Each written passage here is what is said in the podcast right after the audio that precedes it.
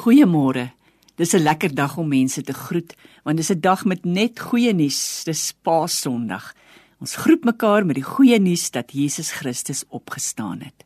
Broers en susters, luisteraars, welkom dan hier waar ons vandag gaan praat oor opstaan, lewe en oorwinning oor heel ander kant uitkom. Mag ons hierdie boodskap van goeie nuus vandag saam met mekaar geniet. Ja broers en susters, vandag herdenk ons dan Jesus se opstanding, die begin van nuwe lewe. Die begin van 'n nuwe soort lewe, een waarin God ons nooit alleen laat nie, selfs nie eers in die graf nie.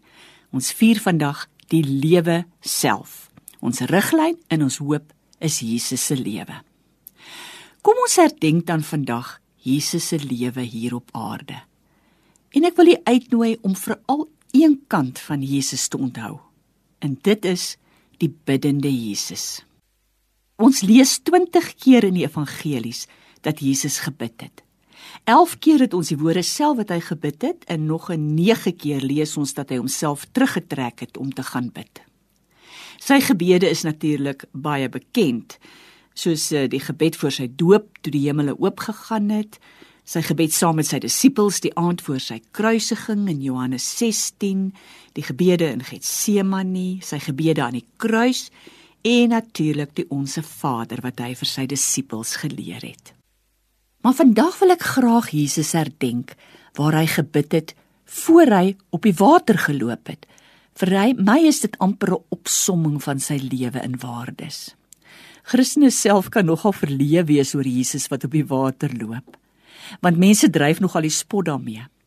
Maar inderdaad is dit 'n verhaal vol diep geestelike waardes en ondertone. Ons kry dit in Matteus 14 vanaf vers 22.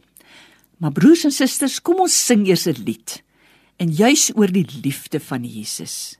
Kom ons sing Sion's gesang 44. Die liefde van Jesus is wonderbaar.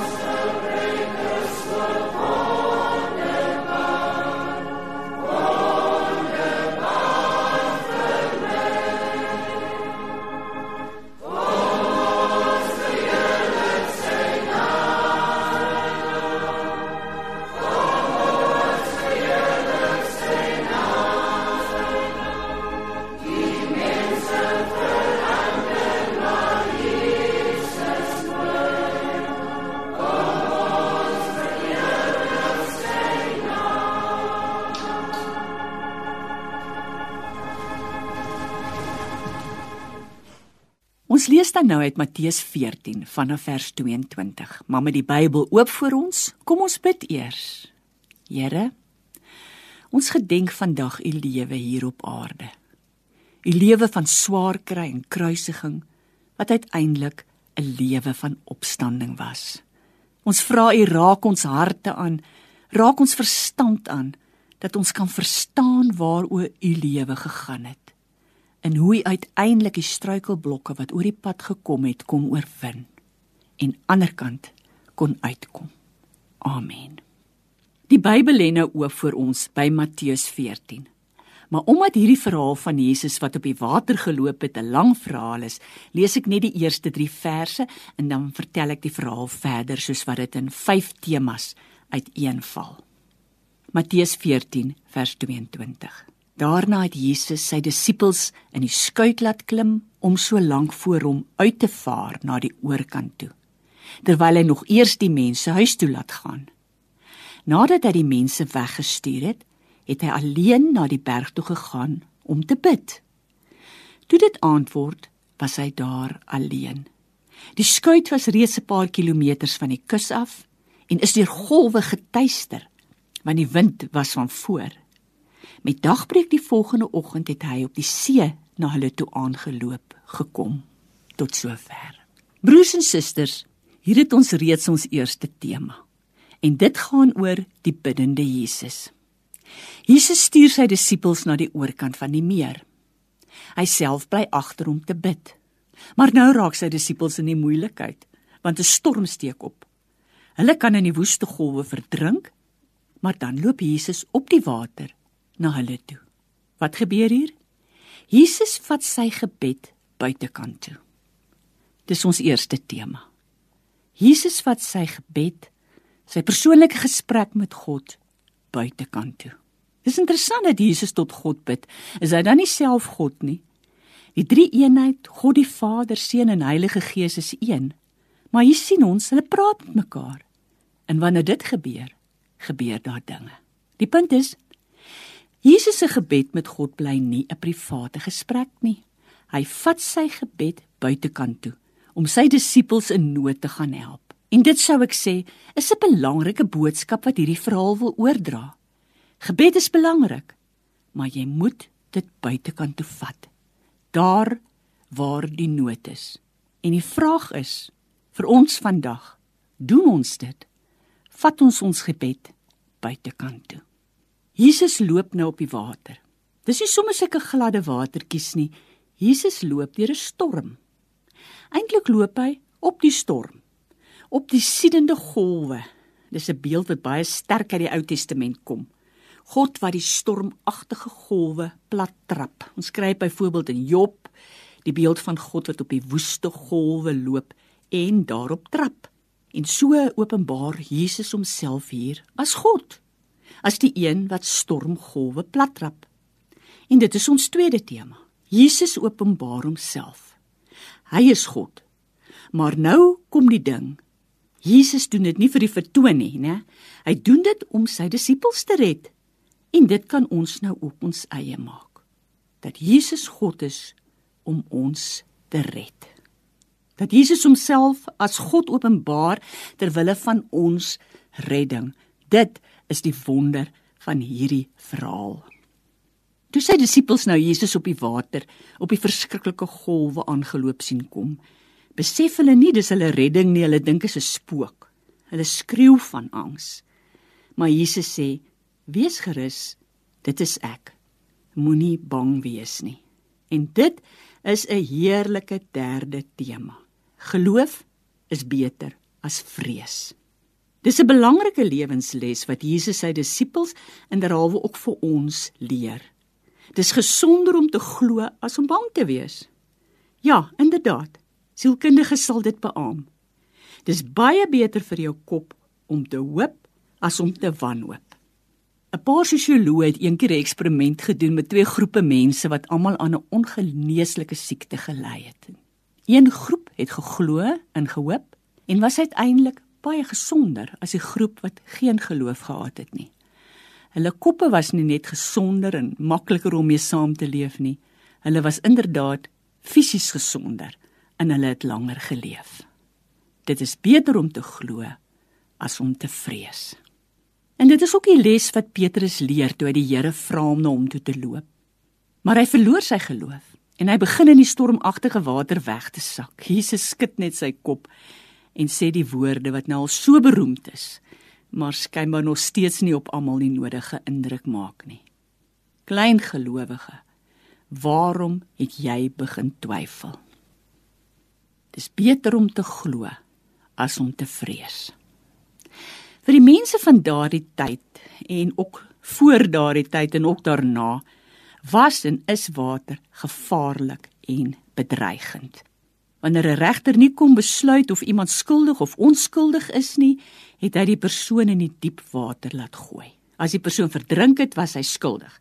Maar indien die persoon oorleef het, dan was hy onskuldig. Dit was 'n erkende vir baie lank tyd 'n erkende manier van regspleging. Onthou vir Jona wat in die see gegooi is omdat die mense om die boot gedink het dat hy skuldig is aan die storm. En Jona weet hy skuldig. Hy is ongehoorsaam aan God. Hy verdien om te verdrink, maar God stuur 'n vis om hom te red. En nou is ons by die 4de tema. Hulle klim in die skuit, Jesus en Petrus, en die storm gaan lê. Dis ook 'n tema wat sterk uit die Ou Testament kom. Veral uit die psalms waar Dawid God gedurig vra: "Maak die storm om my stil, red my uit die waters wat my wil insluk en vernietig." Die verhaal wil duidelik hierdie boodskap aan ons oordra. Jesus verkies die kalmte. Hy kies nie die storm nie. Ek vind dit 'n belangrike tema vir ons tyd om vir die kalmte te kies. Nie om boer geloop te word nie, Nie om maar te laat gaan nie, maar om te kies om deur die storm na kalmte op pad te wees. Iemand het eendag gesê as jy nie weet waarheen jy op pad is nie, kan jy enige pad soontoe vat.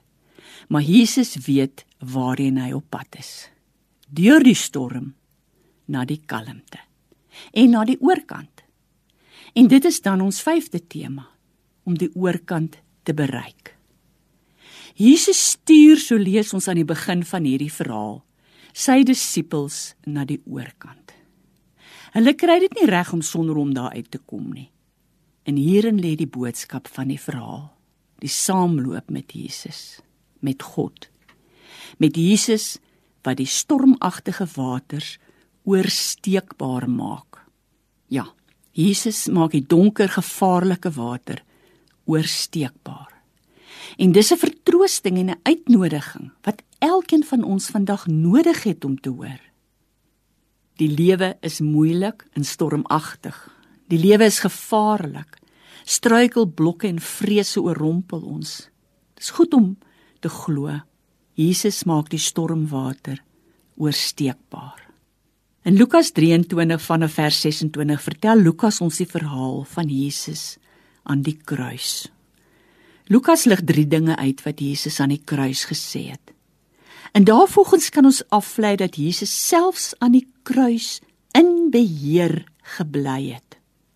Te midde van die verskriklikste pyn denkbaar, die vernedering, die bespotting, bly Jesus in beheer. Wat wat sê Jesus aan die kruis?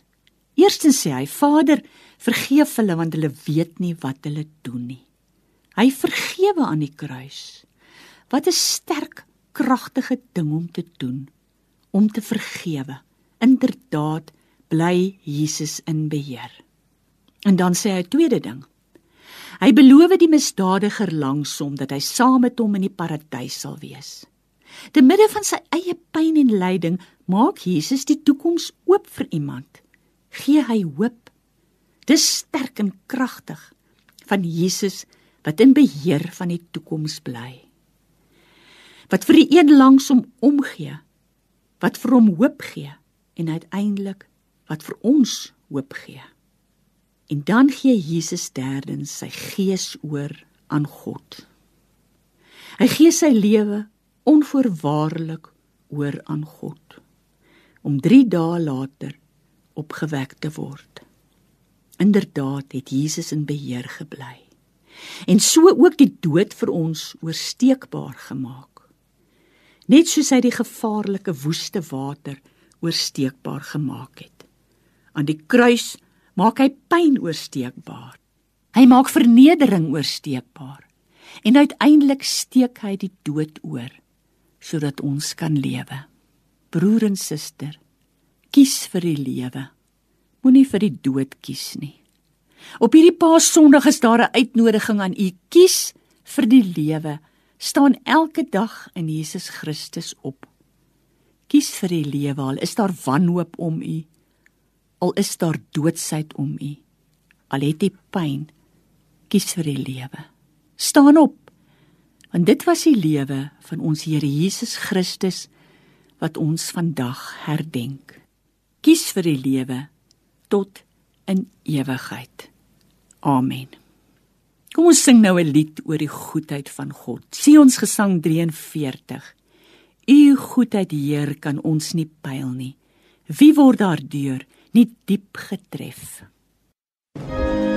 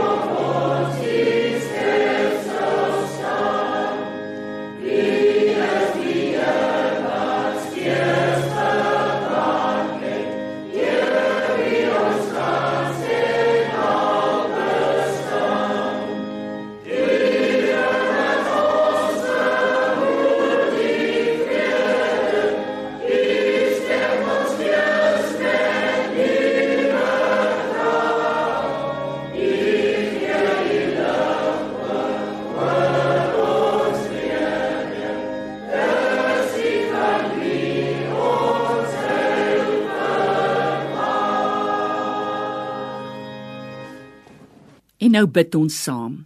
Here, U het dit vir ons moontlik gemaak om die diep waters oor te steek. Ons vrese, ons pyn, ons vernedering, ja selfs die dood, wees dan nou met ons en loop saam met ons die pad deur die storms, deur die struikelblokke. U het in beheer gebly, selfs aan die kruis. Gee ons U sterkte om te vergewe, om te hoop en om God te vertrou. Amen. Ons sluit nou af met Sion's Gesang 379. Op vaste fondamente het God sy kerk gebou. Dis ook die feeslied van die Verenigde Gereformeerde Kerk in Suider-Afrika wat op 14 April vanjaar 25 jaar oud geword het. Kom ons sing hierdie lied as 'n danklied vir God se trou.